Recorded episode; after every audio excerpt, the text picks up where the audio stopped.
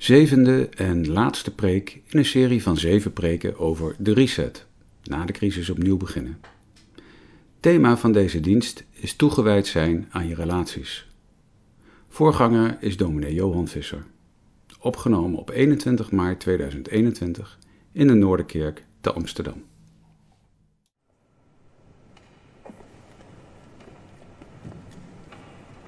We sluiten vanavond de serie verdiepingsdiensten over de reset vanuit de boeken Ezra en Nehemia af.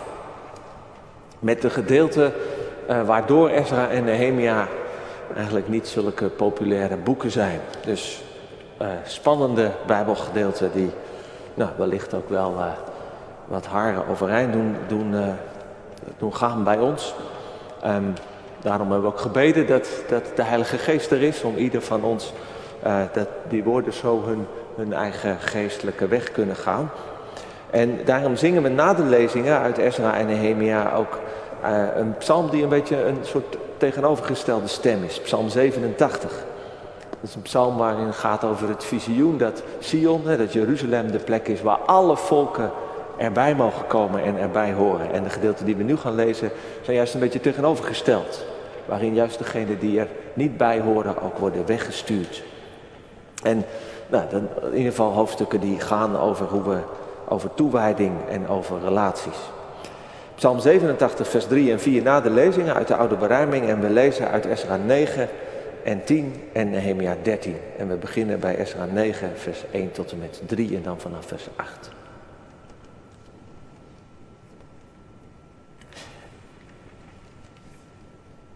En toen deze dingen voltooid waren, het aanstellen van, van de regering en rechters en zo, traden de vorsten op mij toe en mij is Esdra. En ze zeiden, het volk van Israël, de priesters en de levieten hebben zich niet afgezonderd van de volken van de landen rondom, wat hun gruwelen betreft.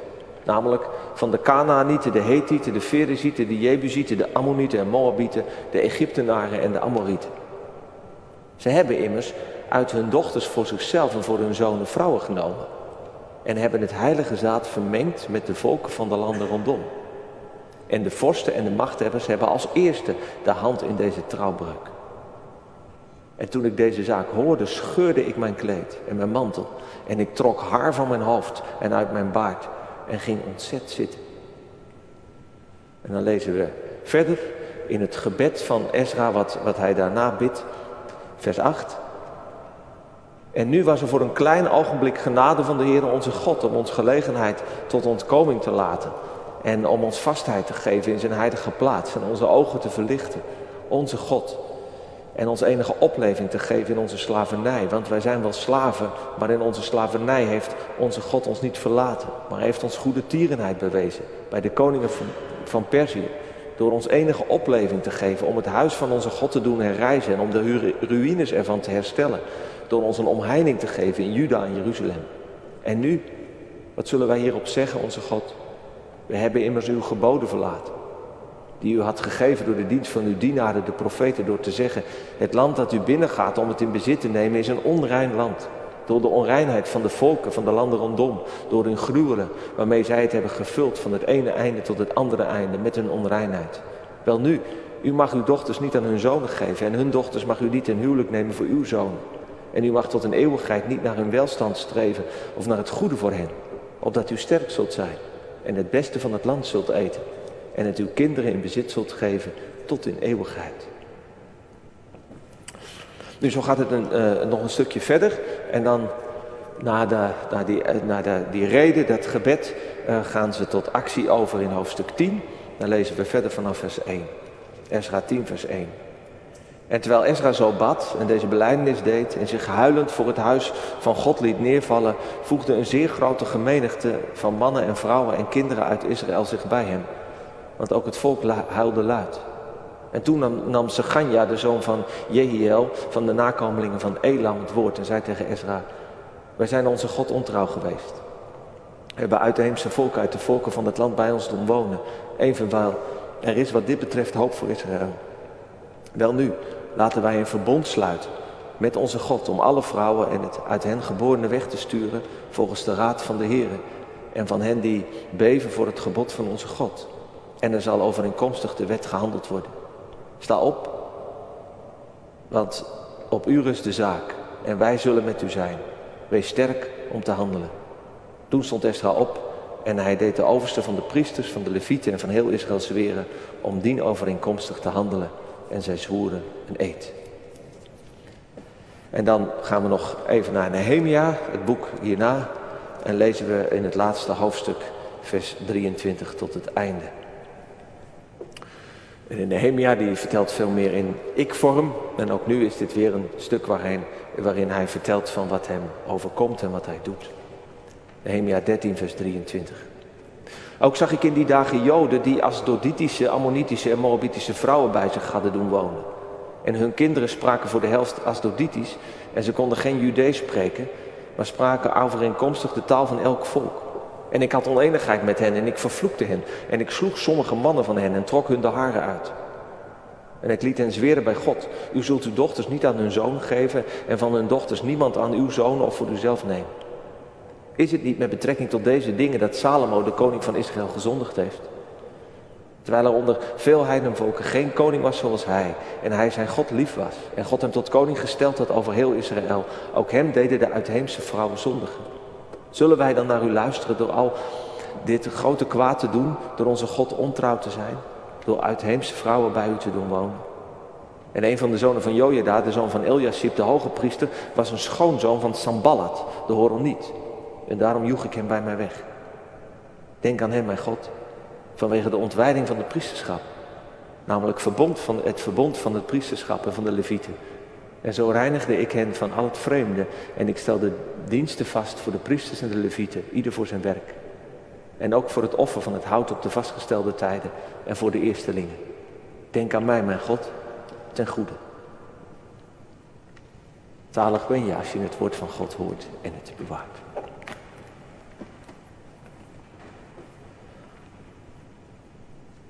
Gemeente van Jezus Christus. Blijf in mij. Dat hoorden we Jezus vanmorgen zeggen. Zonder mij heb je geen leven. Zonder mij kan je leven ook geen vrucht dragen. En dat blijven, dat is aan de ene kant iets heel persoonlijks. Het is ook iets gezamenlijks en praktisch. Jezus blijft zegt in het gedeelte dat we vanmorgen hebben overdacht, is het in de meeste gevallen in het meervoud. Blijven jullie in mij. En in die best heftige gedeelte uit Ezra en Nehemia zoek ik eigenlijk naar wat, wat Jezus hiermee ons te zeggen heeft als het gaat over dat in hem blijven. Heel concreet. En lastig misschien ook wel en ook wel een beetje pijnlijk. Want het is het natuurlijk als het gaat over relaties. Iemand vertelde dat ze zich als Abraham, die zijn zoon Isaac moest offeren, had gevoeld. Omdat ze innerlijk voor een keuze kwam te staan. Of ze verder ging of zou stoppen met de grote liefde van haar leven, met wie ze het geloof niet deelde. En ze besloot na veel pijn en moeite om ja, net als Abraham, de liefde van haar leven op te geven. En na een week vol van, van verdriet bleek dat ze het bericht wat ze naar haar geliefde had gestuurd, dat hij niet was aangekomen. En bovendien dat die geliefde was vastgelopen in, in, in zijn leven, zodat hij het ja, eigenlijk toch ook wel wat met, met die God van haar wilde proberen. En zo kreeg ze net als, als Abraham dat offer ongedacht en onverwacht weer terug.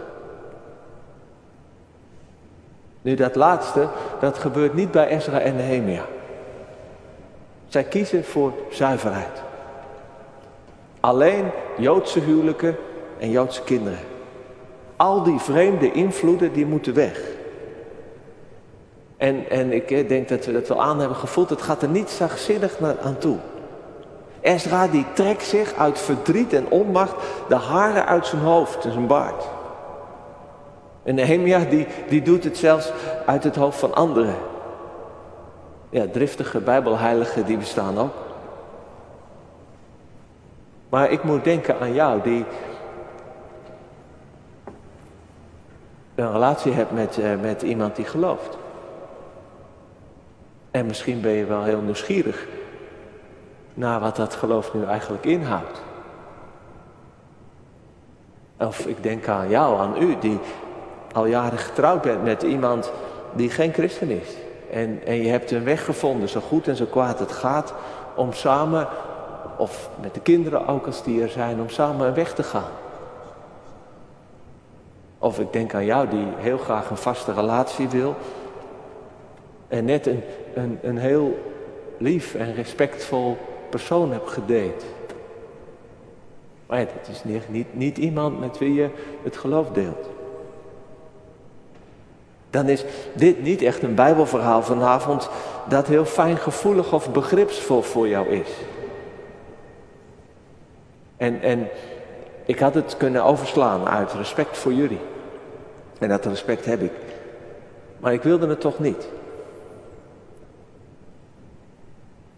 Het is ook wel een heftig verhaal, denk ik, in onze cultuur. Waar uh, gemengde relaties een beetje een teken zijn van tolerantie. iets van, hè, dat is toch eigenlijk ook wel, wel, wel verrijkend.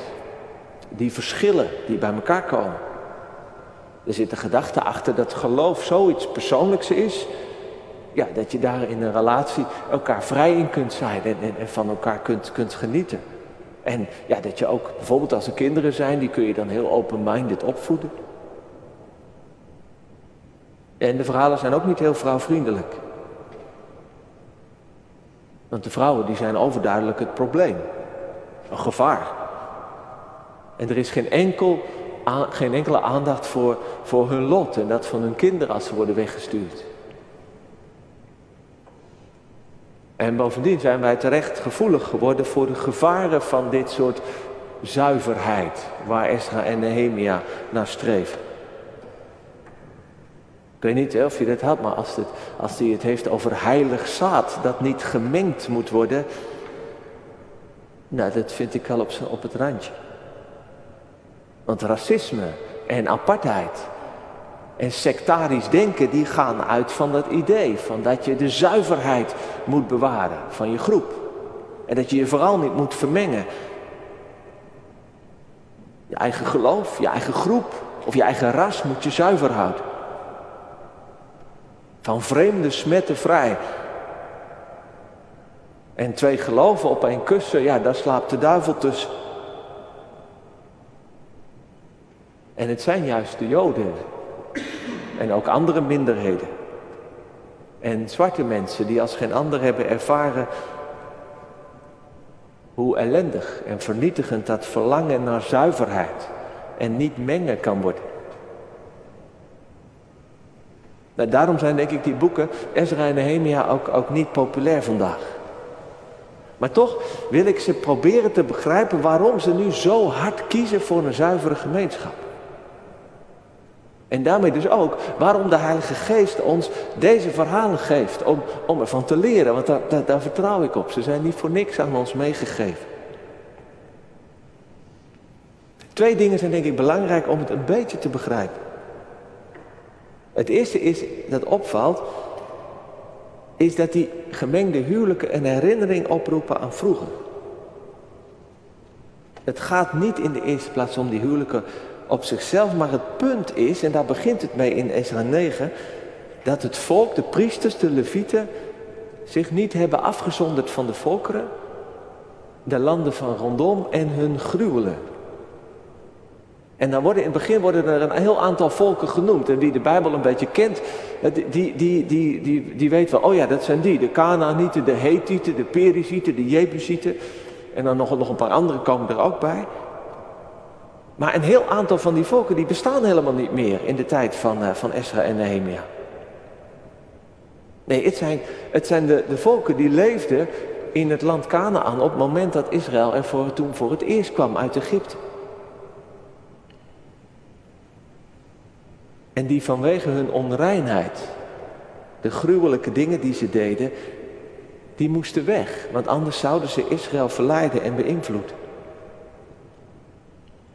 En dat is nu juist continu gebeurd in de geschiedenis van het volk van God. Het, waren niet, het was niet Israël die de buren beïnvloedde, maar het waren de buren steeds die, die, die weer Israël beïnvloedden.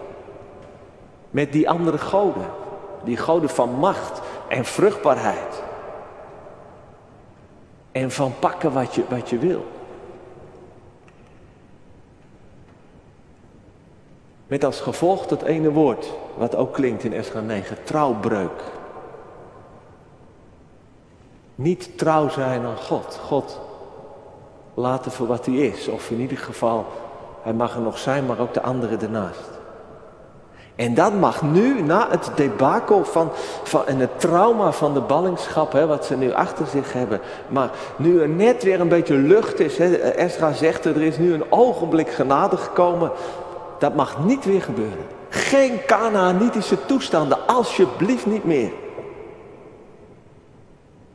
En misschien zou je het kunnen vergelijken met als je net bent afgekikt van een verslaving. Dan moet je afstand houden van dat spul. En, en van de mensen die je zo gemakkelijk kunnen laten terugvallen en kunnen verleiden. Dus dat, dat speelt er op de achtergrond. Niet weer terug naar, naar de fouten van het verleden. En het tweede opvallende dat we niet moeten vergeten, is dat de aandacht vooral uitgaat naar de leiders van het volk. De vorsten, de machthebbers, de priesters en de levieten. Dus de, de politieke, zeg maar even, en de, en de religieuze leiders. Nehemia die noemt niet voor niks koning Salomo. Die beminde van God. Die doordat hij buitenlandse vrouwen in zijn harem verzamelde, zoals Olysheik Rolls Royces, uiteindelijk zijn gerichtheid op God kwijtraakt. En de afgoden weer in het land introduceerde. En we lezen van de kleinzoon van de hoge priester, die verbonden was met de familie van Samballat. Dat was een van de leiders van de andere mensen die in het land woonden, die de meerderheid vormden.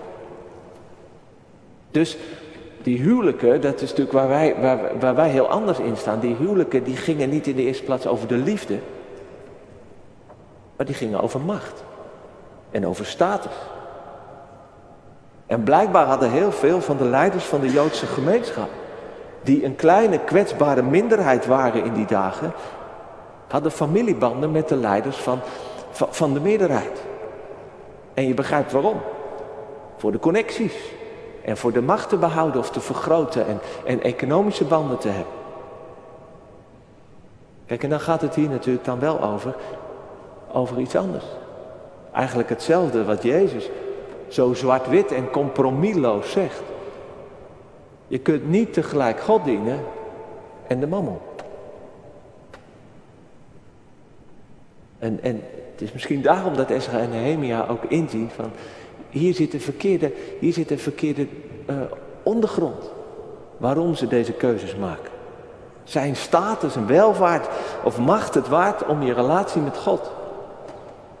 Of, of de, uh, het welzijn van het volk van God op het spel te zetten? Nou, ik hoop dat we nu net iets meer begrip hebben voor die, het harde optreden van Nehemia en Esra. Maar het is denk ik ook goed om te weten en ook om dat te zeggen, dat dit niet het enige is wat de Bijbel te zeggen heeft over buitenstaanders en vreemdelingen en relaties met hen. Een paar voorbeelden, die zoals we dat vandaag noemen veel inclusiever zijn. Rahab, de Canaanitische prostituee. Ze is de eerste van die Canaanieten die ze tegenkomen als Israël het land ingaat. Rut, de Moabitische, de Moabieten worden hier ook genoemd. Die zijn beide niet alleen van harte welkom in het volk van God, maar het zijn geloofsheldinnen die met kop en schouders boven de rest uitsteken, die zelfs de voormoeders van de Messias worden. Ja, hadden jullie hen ook willen wegsturen, Nehemia, Esra? Nee. En denk aan Jezaja 56. Waar heel expliciet ook zo'n tekst uit de, de tijd, hè, de tijd van Ezra en Nehemia na de ballingschap, waar, waar heel duidelijk wordt zeg, gezegd tegen de vreemdelingen die, die in het land zijn en die God zoeken en dienen, dat ze helemaal welkom zijn in de tempel. bij God. Want, zegt Jezaja, de tempel die zal een huis van gebed voor alle volken zijn. God is niet alleen de God van Israël. Maar uiteindelijk is hij de God van de hele aarde, van alle volken. Dat is uiteindelijk het grote visioen van de psalmen en de profeten. En dat visioen is bij de komst van Jezus is doorgebroken. Toen uit Israël er een, een volk is ontstaan waar ieder welkom is. Waar Gods mensenliefde en genadige gastvrijheid de deur heeft opengezet. En die tegenstellingen en verschillen tussen, tussen de volken en tussen rassen en de vijandschap die er vaak is, uiteindelijk wordt teruggebracht op één ding dat telt. En dat ook eenheid schept, namelijk het geloof. Het geloof dat in, in, in Christus, dat in de liefde werkt. Geloof dat gevraagd wordt aan Jood en Heiden, aan beschaafde mensen en barbaren, aan de, aan de elite en aan het volk, aan man en vrouw, zondaar en heilige. Nou, dat betekent dus een einde aan, racisme en apartheid. Dat kan niet meer na de komst van Christus. Ja, helaas, het gebeurt nog op allerlei manieren, maar het past niet. En positief betekent het ook een, een houding van gastvrijheid. Ja, vanuit, vanuit de nederigheid. Die we hier aan het, aan het avondmaal ook altijd, altijd aanvoelen, denk ik. Ja, ik ben ook maar een gast. Uiteindelijk ben ik ook een vreemdeling die alleen maar op basis van Gods genade welkom is. En wie ben ik om anderen uit te sluiten als die, die ook bij die genade komen? En vanuit het, uit het verlangen toch ook. Dat als jij welkom bent, dat je ook wil dat er, dat er zoveel mogelijk anderen welkom, welkom zijn. Komen en het goede van God zien. En kennen en, en zullen gaan delen. Dat vrucht dragen. Maar die openheid, die gastvrijheid, die kan niet bestaan zonder dat je ook, ook stevig in dat geloof bent geworteld. Dat je weet wie je bent. En dat je onderdeel bent van een gemeenschap, van een, van een groep die, ja, die voor God gaat en staat. En daar is het Ezra en Nehemia natuurlijk positief om te doen. Dat dat volk van God, dat opnieuw moet beginnen als een hele kleine minderheid in dat grote Persische Rijk, afhankelijk van allerlei machten en krachten die er spelen, te midden van zoveel andere visies en, en geloven en manieren van leven, dat dat volk de eigenheid behoudt. Dat geloof in die ene unieke God. En wat er allemaal uit voortvloeit aan leven. Ja, en, en eigenheid behouden, zeker als een minderheid, dat gaat niet zonder keuzes. Zonder discipline. Dat kost wat. Nou, dan wil ik dat nu nog wat, wat toespitsen op, op relaties. Ja, want dat is uiteindelijk natuurlijk het thema waar het vanavond over gaat. En ik denk die spannheid, dus spanning tussen aan de ene kant openheid, gastvrijheid en aan de andere kant je eigenheid bewaren, stevig ook, ja, die, zie, die zie je eigenlijk terug in, in de Bijbel, maar ook in het Nieuwe Testament als er heel concreet over relaties wordt gesproken. Aan de ene kant is er die, die lijn van het behouden van je eigenheid. Zeg maar even, dat is ook in de gemeente van Christus. Ook al zijn dan alle volken welkom, maar het gaat er wel om dat, dat gelovigen bij elkaar zijn.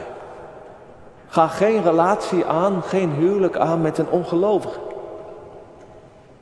Het beeld dat Paulus in 2 Corinthians 6 gebruikte is van een, van een ongelijk span. Hè? Dus, dus twee dieren die samen een kart trekken. Ja, als één een paard is en, en, en, en een ander is, is een hele kleine pony, dan gaat dat scheef. Dat, dat gaat niet werken. Maar aan de andere kant is er ook de overtuiging dat wanneer je samenleeft met iemand die het geloof niet deelt, dat je bij die ander moet blijven. En dat, dat, omdat die partner en eventueel de kinderen die er zijn, heilig zijn. En dat wordt het gebruikt. Dat is 1 Corinthians 7. Ze zijn heilig. Ze zijn via de gelovigen ook verbonden geraakt met God. En, en ik weet ook van velen die door hun partner zijn gaan geloven. Of er positief op betrokken zijn geraakt. En ik ben er diep van overtuigd dat het een van de manieren is waar, waardoor Gods liefde en gastvrijheid ook werkt. Via relaties.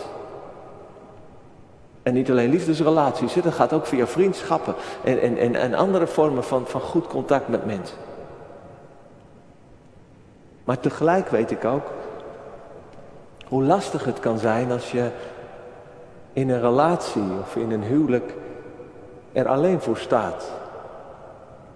Als het gaat over je, ja, je diepste toewijding, je diepste liefde. En ik weet ook hoe belangrijk het is voor de opvoeding van kinderen dat er een gewoon gelovig thuis is. Waar het, waar het geloof wordt, wordt doorgegeven, een beetje, beetje, beetje automatisch bijna. En hoewel het natuurlijk nooit automatisch gaat, maar begrijp denk ik wat ik bedoel. Dat het een, dat het een soort, soort thuisplek is.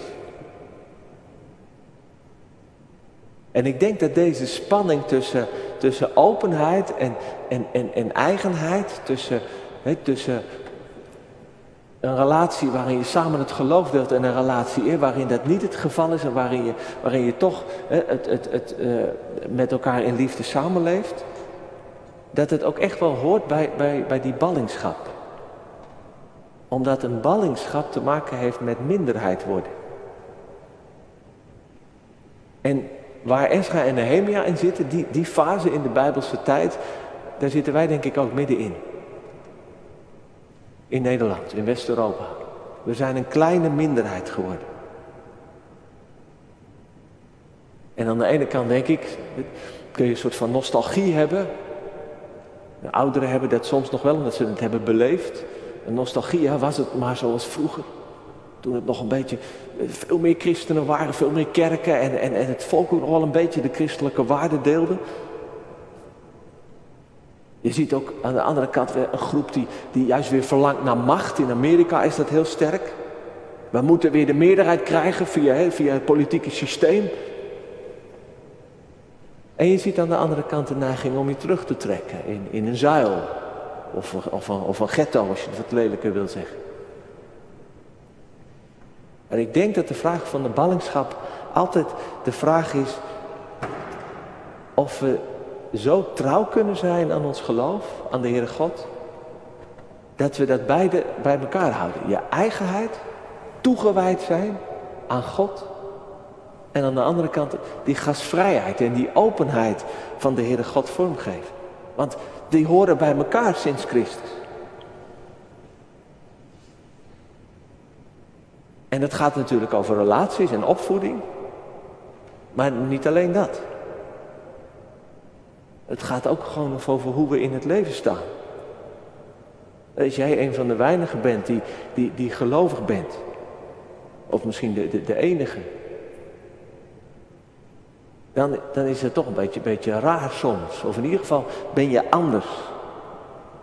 En dat is nou typisch iets voor een minderheid, dat je anders bent.